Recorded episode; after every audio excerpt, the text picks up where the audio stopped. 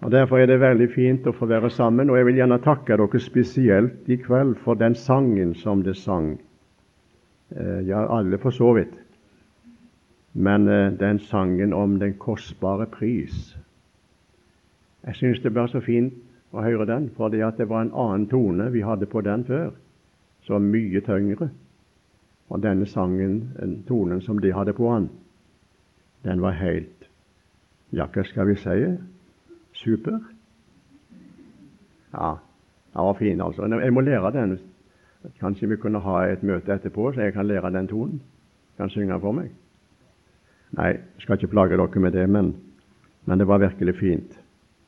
Sangen om blodet, den kostbare pris, som alene kan åpne et stengt paradis. Ja, det var fint, altså. Nå har vi et emne som er veldig stort å tale om, og det er ikke så enkelt å, å, å bli eh, fortrolig med. Faktisk talt eh, en halvtimes tid. Noe stort mer blir det ikke. Jeg kan ikke tale i timevis, men eh, jeg har fått tro for å tale om dette emnet disse kveldene, de siste tider i Bibelens lys. Først skal vi be sammen litt til Jesus. Ja, Jesus, du veit for en mulighet vi har nå i kveld når vi samles om ditt ord. Vi har fått en mulighet til å høre din tale gjennom ordet ditt og ved ånden din, gjennom ord og sang. Og må du tale til oss slik, Jesus, at vi ikke glemmer det men at vi får et utbytte av det, alle sammen, når du taler ditt ord i kveld. Herre, takk for det du alt har minnet oss om, både gjennom åpning og gjennom sang. Det var godt å bli minnet om blodet, den kostbare pris. Og det var godt å få høre det enda en gang at jeg ønsker å se Jesus først av alt. Herre, vi priser deg for det mål vi har, for den himmel vi, du har inne. Der skal jeg, jeg deg se og finne.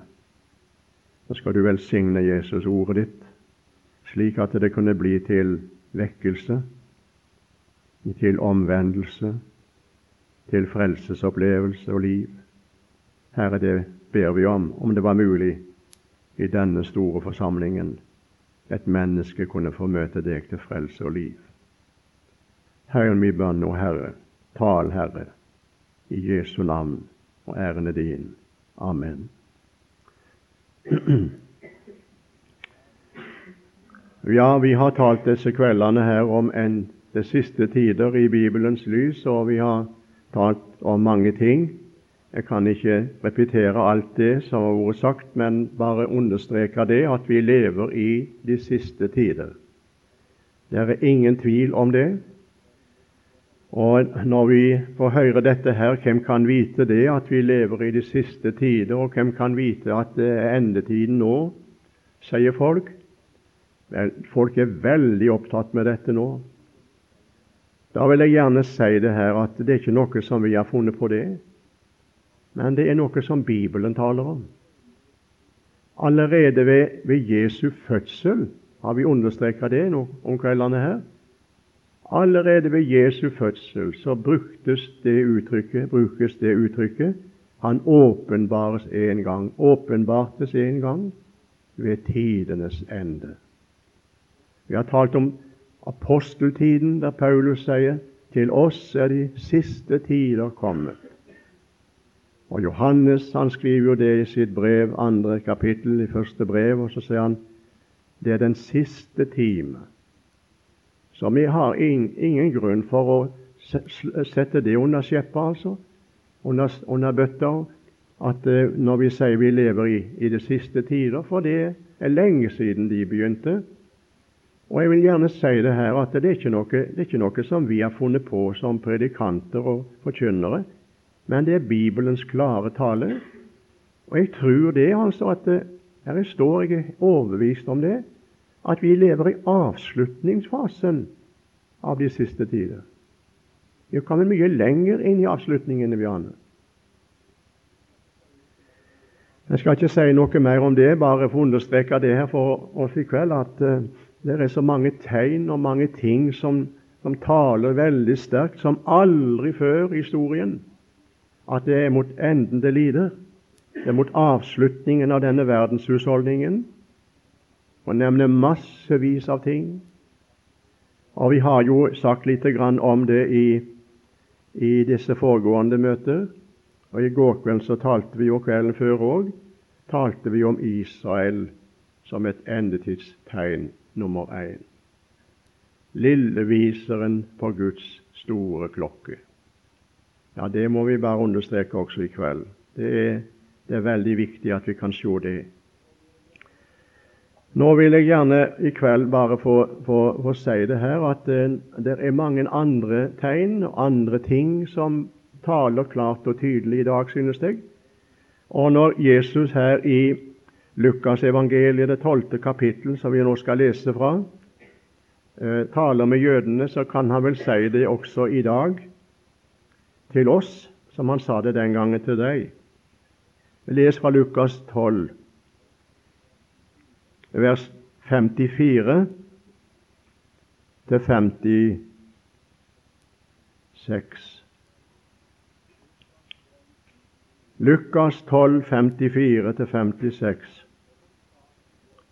Og han sa til folket:" Når dere ser en sky stige opp i vest, sier dere straks det kommer regn. Og slik skjer det.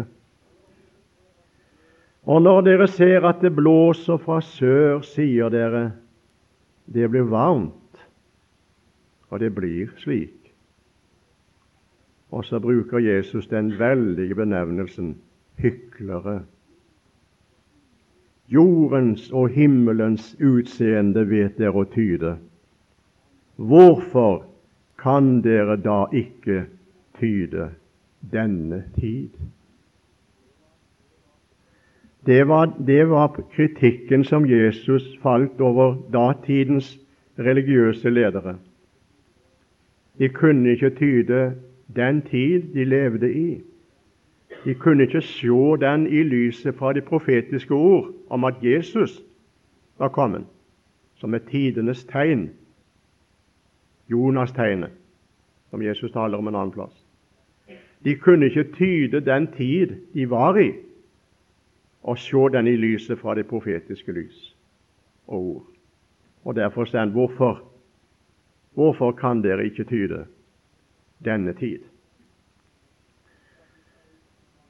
Jeg skal ikke si så mange ting i kveld om tiden vi lever i, men jeg vil si en to-tre ting iallfall, som så tydelig og klart for min del, og jeg vil gjerne si jeg ikke alene om det. Tydelige, klare tegn i lyset fra det profetiske ord i Bibelen kan si det klart og tydelig at dette er situasjonen i dag. Jeg tror jeg vil gjøre det i kveld. Ikke fordi at du nå skal gå hjem fra dette møtet så skal du være levende redd og skremmes fordi at nå snakker vi om det som skal skje. Men det er noe som skjer iblant oss, noe som vi er gjenstand for hver eneste dag i massemedia. Så folk har hørt det, og folk vet om det, men de legger ikke merke til det. Og de ledende innen de kristne organisasjoner og kirke er heller ikke våkne. Men det er tegn i tiden i dag som vi skulle ha tyde og sagt ifra. Men tvert imot så ser det ut til at mange sover og ser ikke på tegnene i hele tatt. Jeg skal bare nevne to ting først, og så skal vi nevne to ting til slutt men jeg skal ikke si så mye om de første. I Matteus 24, fra det sjette til niende vers, der taler Jesus veldig sterkt, og jeg bare får prøve å si det her i kveld uten at jeg kan kommentere det så mye. Men han sier det her. Jeg synes det, det, det, det er vel aldri, har vel aldri i historien, i verdenshistorien vært så tydelig som Matteus 24 sier det. Dere vil høre om kriger og rykte om kriger. Se til at dere ikke lar dere skremme, for alt dette må skje. Men ennå er ikke enden, altså verdens ende, kommet. For folk skal reise seg mot folk, og rike mot rike. Det skal bli hunger og jordskjelv, både her og der. Men alt dette er begynnelsen til fødselsvenen, Begynnelsen. Da skal de overgi dere til trengsel og slå dere i hjel. Dette gjelder jødene. Og dere skal hates av alle folkeslag for mitt navns skyld. Dette gjelder jødene. Mange skal falle fra, og de skal angi hverandre og hate hverandre. Mange falske profeter skal stå fram, og de skal forføre mange. Og fordi lovløsheten tar overhånd, skal kjærligheten bli kald hos de fleste. Jeg bare spør, altså. Passer dette her inn i vår situasjon? 20 millioner mennesker kommer til å svelte i hele vinter utover nå, hvis ikke de får mat. Bare tenk på hungeren. Tenk på krig og opprør, rykter om krig. Tenk på alt det der. Det har aldri vært en slik verden. Og Jeg skal ikke si noe mer enn bare understreke det, for dette er nemlig ting som skal være, vise seg i endens tid mer enn en ellers. Jeg tenker også på det andre ting Jeg skal ikke kommentere alt. Men dette med, med det som står i, i, i Bibelen om, om Noas og Lots dager Jeg skulle gjerne ha slått opp det også og lese det for deg, men Jesus han sier det at like som det var i Noas dager, skal det være i menneskesønnens dager. Og sikta vel det også til framtiden med jødene. Men det står det at de tok til ekte, de gav til ekte, de kjøpte, de solgte, de plantet, de bygget, inntil Noah gikk inn i arken og vannflommen kom. Likeså på Lots dager. Og så taler Jesus så veldig sterkt om at Lots situasjon og Lots dagers materielle og jeg vil også si menneskelige situasjon skal prege endetiden og avslutningsfasen. Like som Lots dage, så Noas dage skal det være som i, i endens tid, sier Jesus. Like som det var i Lots dage, like som det var i Noas dage. Jeg har ikke lyst til å si noe mer om det, men eh, det er en par ting til og par tegn jeg gjerne har lyst til å understreke. Og siden det er så mye ungdom her i kveld, har jeg frimodighet til å tale om det. Og det er på to spesielle felter som tegnene vises veldig sterkt i våre dager, uten at jeg i denne kveldsstund kan slå fast og si 'så langt er dere igjen', eller 'så langt er dere igjen', og så er avslutningen. For det er mye igjen ennå. Jeg vil gjerne si det her. Det er mye igjen som skal skje i denne verden før den går under. Herrens dag skal komme som en tyv om natten. Skal himlene gå med stort brak, og jorden og alt på den skal brenne opp. Det er avslutningen. Men før den tid så skal det være et rike, et Messias rike, der Kristus skal regjere med sine hellige, med menigheten, og før den tid igjen en stor trengsel ved Antikrist, og før den tid igjen en bortrykkelse av menigheten. Så jeg må gjerne si jeg venter ikke verken på Antikrist eller på riket som skal komme. Det vil komme nok. Men jeg venter på at Jesus skal hente oss og hente sitt folk fra denne jord. Det er så langt jeg kjenner min bibel og har studert på den i Ja, jeg vil si det jeg har studert mange år på dette her. Så det er ikke noe som er kommet nå på her, men det er noe som jeg er mer og mer overbevist om ettersom jeg blir eldre og det går mot avslutningen i mitt liv. Jeg vil gjerne si det. Det blir mer og mer klart for meg. Det første, det første begivenhet som vi kan vente, er at menigheten forsvinner ifra denne jord. Hvorfor har ikke Jesus sagt noe annet til meg? Hvorfor har han ikke overbevist meg om at det der er feil? Visste jeg at det er feil? Nei, venner, det blir mer og mer klart. Mer og mer klart. Jeg skal tale om det i morgen formiddag, så det skal jeg ikke tale om i kveld. Men eh, jeg vil gjerne si det her at det er mange tegn som er tydelige. Og nå er det to ting. To sektorer, om du vil. To sektorer. Kan vi bruke det uttrykket? Innenfor to sektorer. Det ene sektoren, det er den åndelige, religiøse sektoren. Der finnes sterke tegn i våre dager. Og Jeg vil bare få be deg eh, slå opp i Bibelen din og lese det som står i 1. Timoteus. 1. Timoteus brev, hvis du har Bibelen med deg, eller noterer det ned, så står det der i det fjerde kapittel og det første verset. Jeg skal lese det, det bibelordet der. 1. Timoteus 4.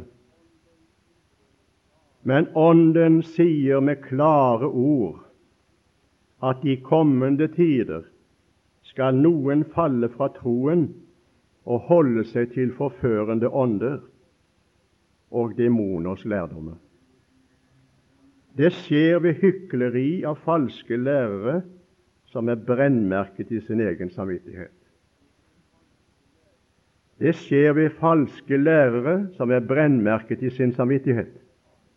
Og Jeg vil gjerne også understreke et annet bibelord som også klart og tydelig taler til meg om dette, for det er tydelig tidens tegn.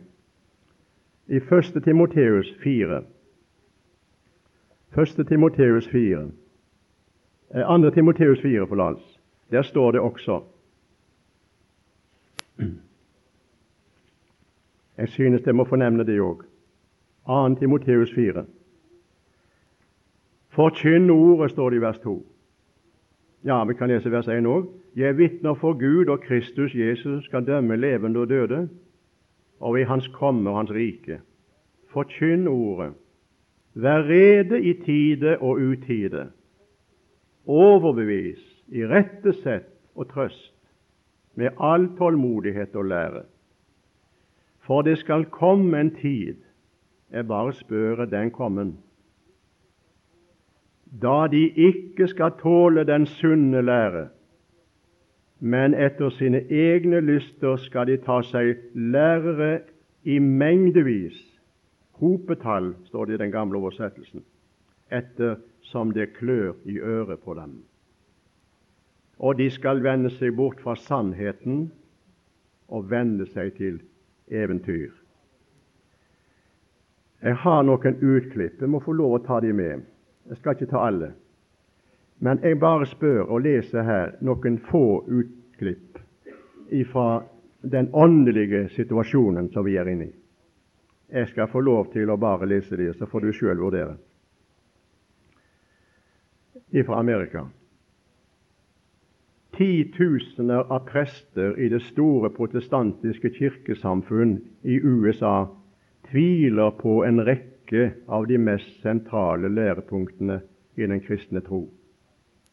Sosiologen Hadden har spurt 7000 pastorer blant sydstatsbaptistene, Den forente metodistkirke, Den anglikanske kirke, Forente presbyterere og presbyterianske kirke og Den lutherske kirke i USA.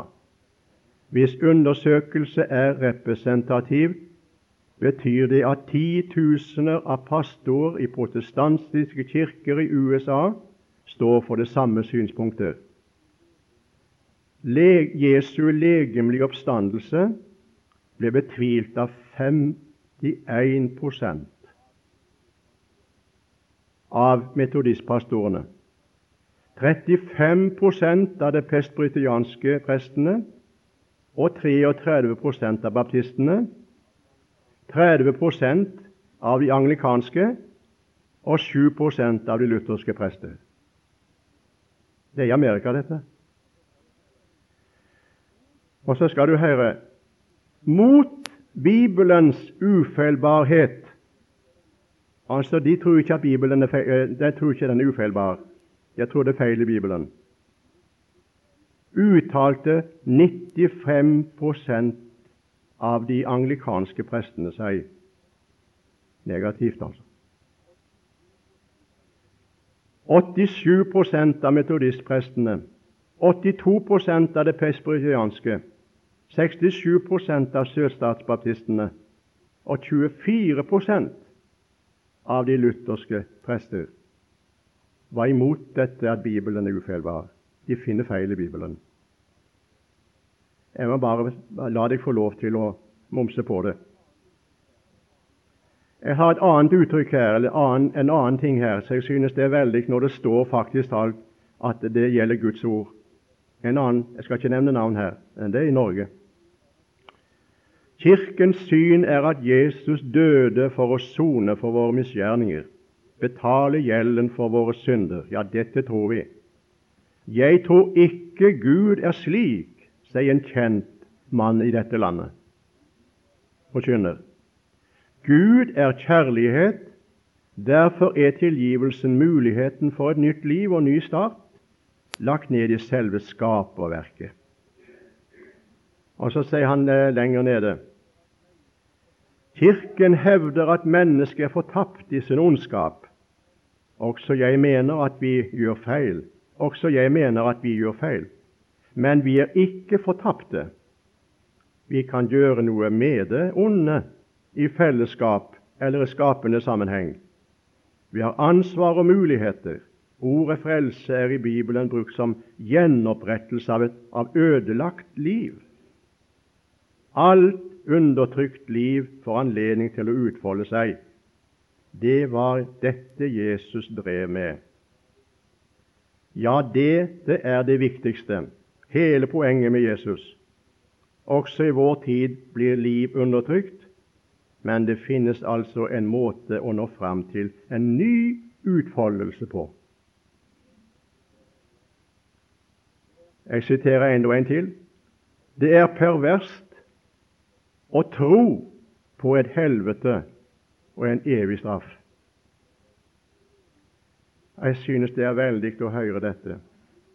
Man mener at vi kan risikere å møte både Stalin og Hitler i himmelen. Dette er en prestelærer. Og Jeg må gjerne få lov å bare nevne dette, for det, det, det er alvorlig for meg. Det er kolossalt alvorlig. Så har vi en av disse nyere religionene som er kommet til, uten at jeg nevner navn, for det, det gjør jeg ikke, men det er kjent og utbredt nokså mye.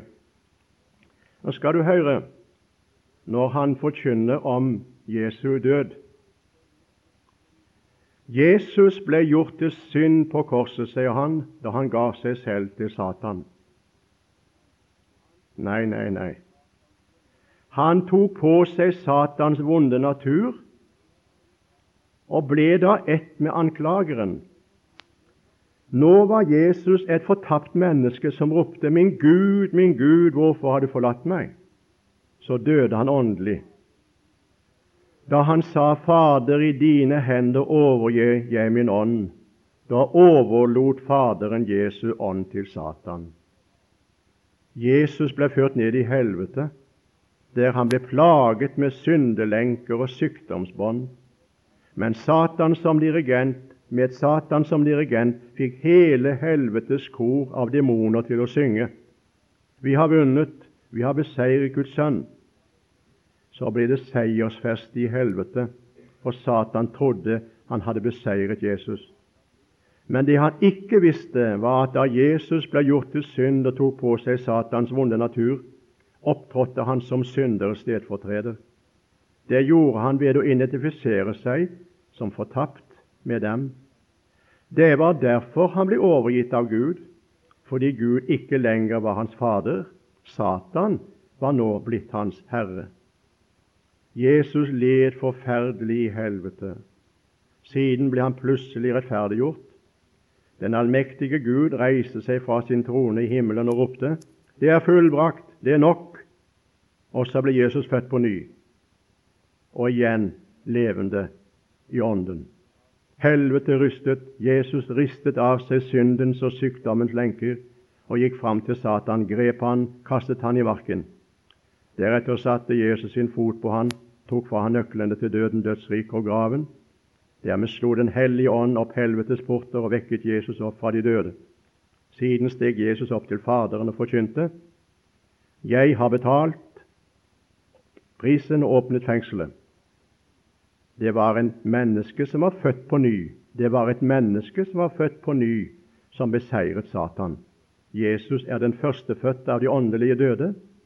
Altså var det da Jesus ble gjort levende i avgrunnen, som også den troende ble gjort levende. Menigheten begynner i avgrunnen. Når Jesus ble født fra de døde, som den førstefødte av mange brødre. Den forkynnelsen sluker mange mennesker i den såkalte herliges teologi. Og til slutt vil jeg bare nevne jeg satt i en heim. Dette er sånn som er kommet ut på markedet. Det kom inn en mann eller mannen der i heimen, og så sa han sjå, dette fant jeg i posten. Det er ikke distribuert gjennom Postverket. Det er folk som har vært og hatt i min, postkassen min. Og dette bladet. Det er en unge gutt i Amerika som heter Robert. Han drømte når han var åtte år gammel, at han var i himmelen. Og han var i himmelen og møtte Jesus. Og Jeg synes det er veldig å lese Nå gir han det ut i et blad, for nå er han blitt 17 år, og nå har han gitt det ut, og det kommer ut på Livets Ords Forlag i Sverige. Skal du høre litt når han forteller hvor han møtte Jesus? Etter lovprisningsgudstjenesten besøkte Jesus og jeg en sideelv til livets elv. Denne sideelven var knedyp og krystallklar. Vi tok av oss skoene og gikk uti. Og vet du hva det første Jesus gjorde med meg da? Han dukket meg under. Jeg reiste meg opp og sprutet på ham, og vi hadde en riktig slåsskamp i vannet. Vi sprutet på hverandre og lo. Vi gikk på innsiden av vannet, om du forstår meg. Det var noe for meg at ærens konge, Guds sønn, tok tid til å dukke lille åtteårige Robert i livet selv. Når jeg kommer tilbake til himmelen, skal jeg sette opp et merke på det stedet. På merket skal det stå dette er stedet hvor Jesus Kristus ikke bare ble min Herre og Frelser, men min venn. Ja, han ble min venn. Nå går vi sammen og snakker sammen. Når jeg hører en god vits, kan jeg løpe til Jesus og høre han le av den. Og når han har en god vits, forteller han den til meg. Ja, Du skjønner Gud har noen gode vitser han kan fortelle deg hvis du er følsom nok til å høre hans stemme. Og vitsene er virkelig morsomme, altså. Ja. Er dette, er dette Bibelens Jesus? Jeg bare spør. Har du funnet en slik Jesus i Bibelen? Og Jeg må gjerne si det her at de holder seg til eventyr, står det. La til sannheten å holde seg til eventyr. Jeg syns dette er eventyr, jeg, for min del. Og det er klare Jeg syns det, det, det, er svært å lese dette, altså. Eh, du, du kan sjøl få låne bladet om du vil, og lese alt det andre.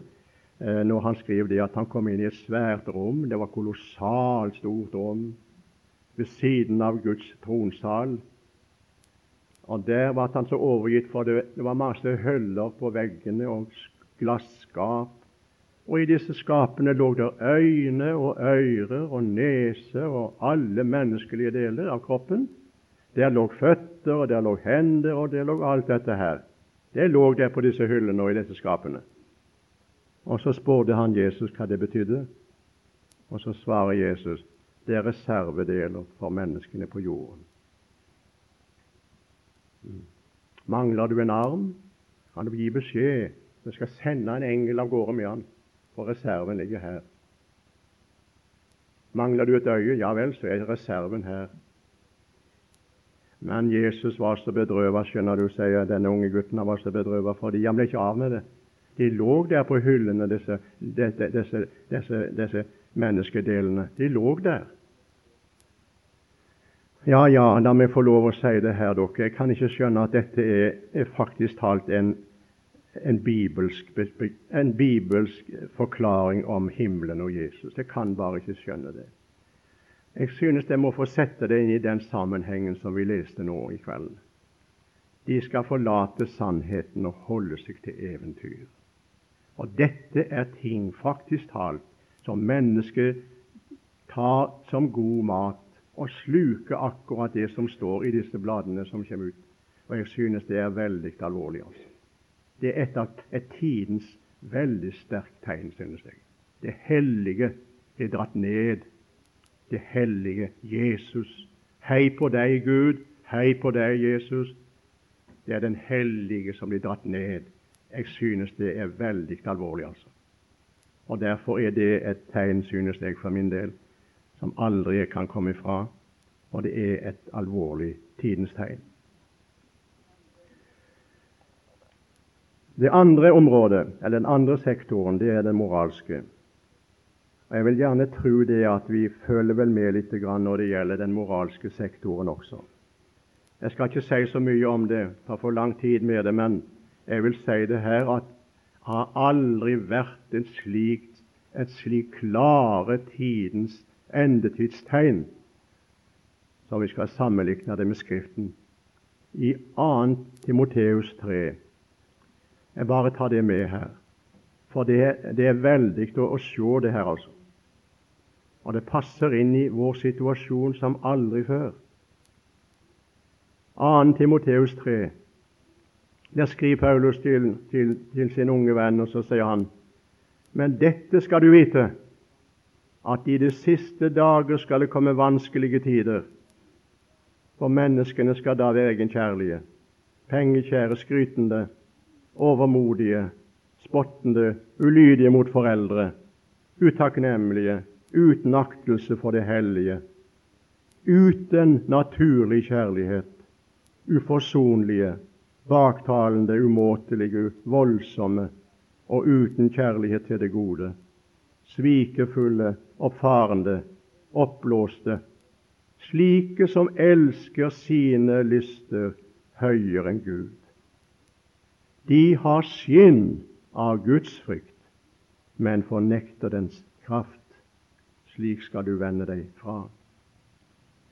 Skinn av Guds frykt, men fornekter dens kraft. Hva slags kraft er det? Det er korsets kraft, det. Det er evangeliets kraft, det. De har skinn av Guds frykt. Og Her er mange ting. Jeg kan ikke ta med noen av mange av disse her.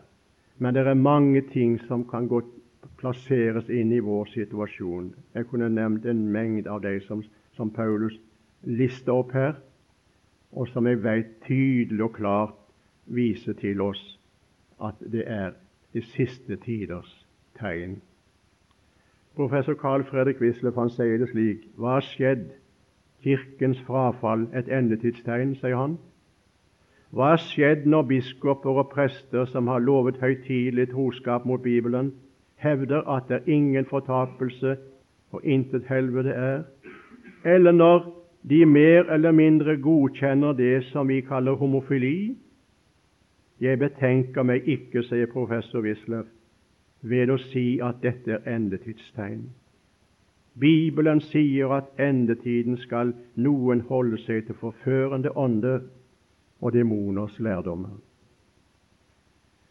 Og her er mange ting kan jeg få lov å sitere litt fra dette med homofili, for det synes jeg er alvorlig. altså. Det er noe av det, det sværeste vi har opplevd altså i vår tid.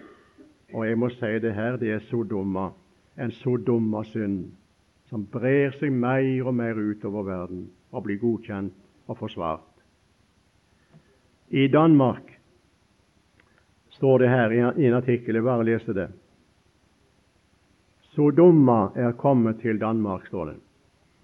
Biskopen i København, Ole Bertelsen, mener at Kirka bør skipe til et ritual for velsigning av homofile par.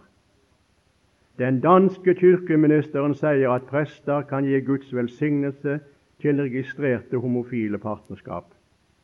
Avkristninga i Vesten fører til unatur, samfunnsnedbryting og antikirkelig kristelig kirkeleiere. Jeg har et, også et utklipp her. Jeg synes det er svært å lese. altså Jeg skal ikke ta det med. Men det er svært å lese. Det er en doktor i teologi i landet vårt priser et, to, to menn som har gått inn i ekteskapssammenheng i forhold til hverandre. Og så sier denne personen hadde det vært mulig i Norge, så ville jeg ikke stusset på og viet dere i en kirke. For jeg har nå siterer jeg ordrett jeg har aldri i mitt prestetid opplevd en slik evangelisk kjærlighet. Jeg forstår for det det. Jeg vil bare si det her at det er veldig evangelisk kjærlighet, sier han. Det uttrykket bruker han. Jeg skal ikke nevne navn. Her kunne vi ha sagt mange ting, men for tidens skyld vil jeg ikke gjøre det. Men det er noe her i det siste tider, sier Paulus, uten naturlig kjærlighet. Uten naturlig kjærlighet.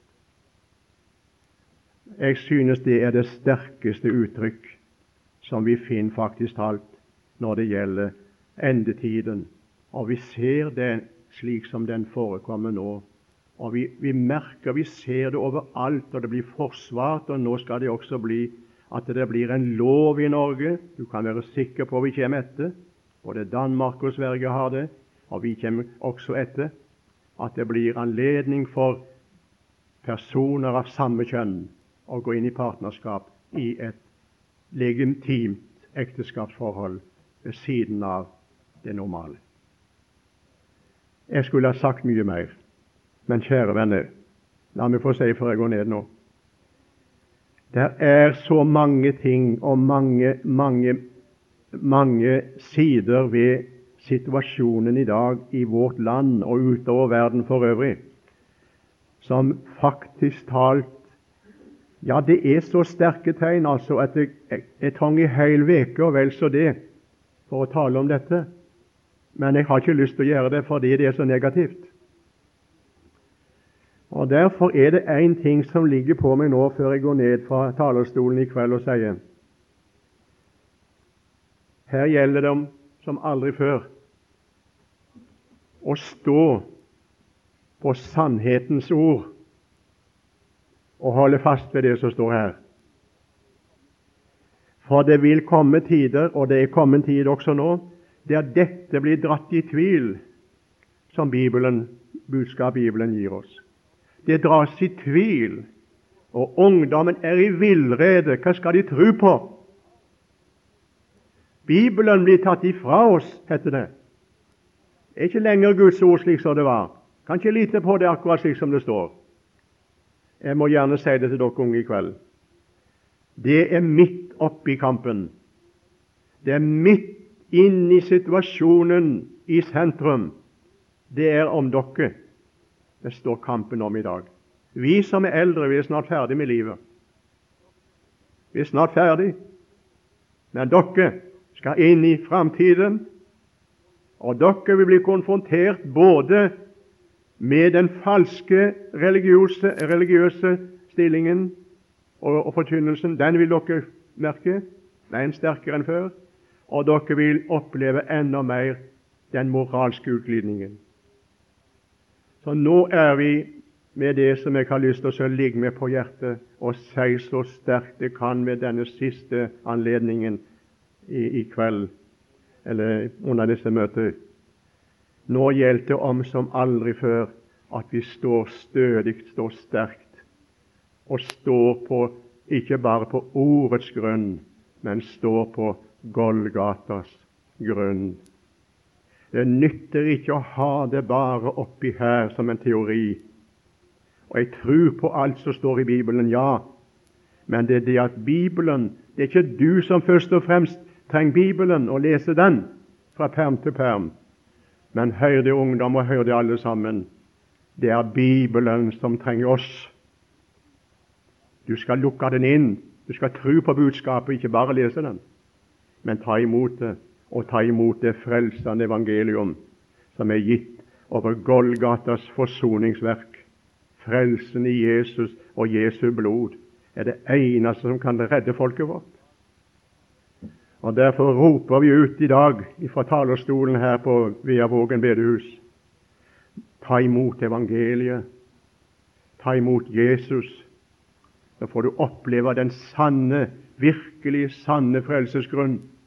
Du skal ikke, du skal ikke, du skal ikke oppleve det at, at, når du tar imot evangeliet, så, så, så skal du oppleve det at, at den, den, den, mister sin verdi, for den vil den ikke misse. Den, den verdien den vil vare hele tiden. Og Jeg vil gjerne si det, det er ikke et, det er ikke et frelsesverk som, som følger med tiden, og som vurderes ut fra tidssituasjonen. Nei, den er like stabil. Det Jesus gjorde, det er like stabilt 1991 som det alltid har vært. Derfor roper vi ut ta imot evangeliet, ta imot Jesus, og du skal bli spart for disse falske røster som kommer og kommer sterkere i fremtiden enn noen gang. Og du skal også bli spart for den umoral og åndsmakt og lovløshet som siger inn over folk og land og over verden. Han vil, han vil berge deg ut av det der. Derfor vil jeg gjerne avslutte med å si ta imot og korsets kraft. De har gudfryktighetens skinn, men fornekter dens kraft. Og du må ikke gjøre det. Du må ta imot den kraften, og du kan forstå i den striden og kampen som ligger foran. Jeg tror, venner, at eh, jeg tror bortrykkelsen står for døren. Eh, det kjennes slik, og jeg må gjerne si når jeg leser Bibelen min, så, så tror jeg det at vi har, vi har liten tid igjen. Veldig liten tid igjen. Så skal vi få være med å forkynne evangeliet inntil Han kommer. Da løser Han oss av. Å, jeg ønsker det for min del. Jeg ønsker det å bli funnet i arbeidsklær. Ja, kanskje bli flytta fra en preikestol mens Herren kommer, så står jeg på talerstolen og kynner Guds ord. Jeg har lyst til det, om han kunne komme.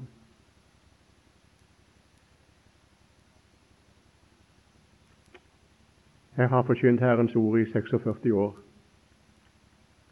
Aldri vært så spennende som i år, eller som nå, å forkynne det. Men det har heller aldri vært sånn en kamp om budskapet om i våre dager. Og så merker vi den veldige spenningen i folket. Jeg må gjerne få lov å si jeg er takknemlig for disse møter også her på Veavågen.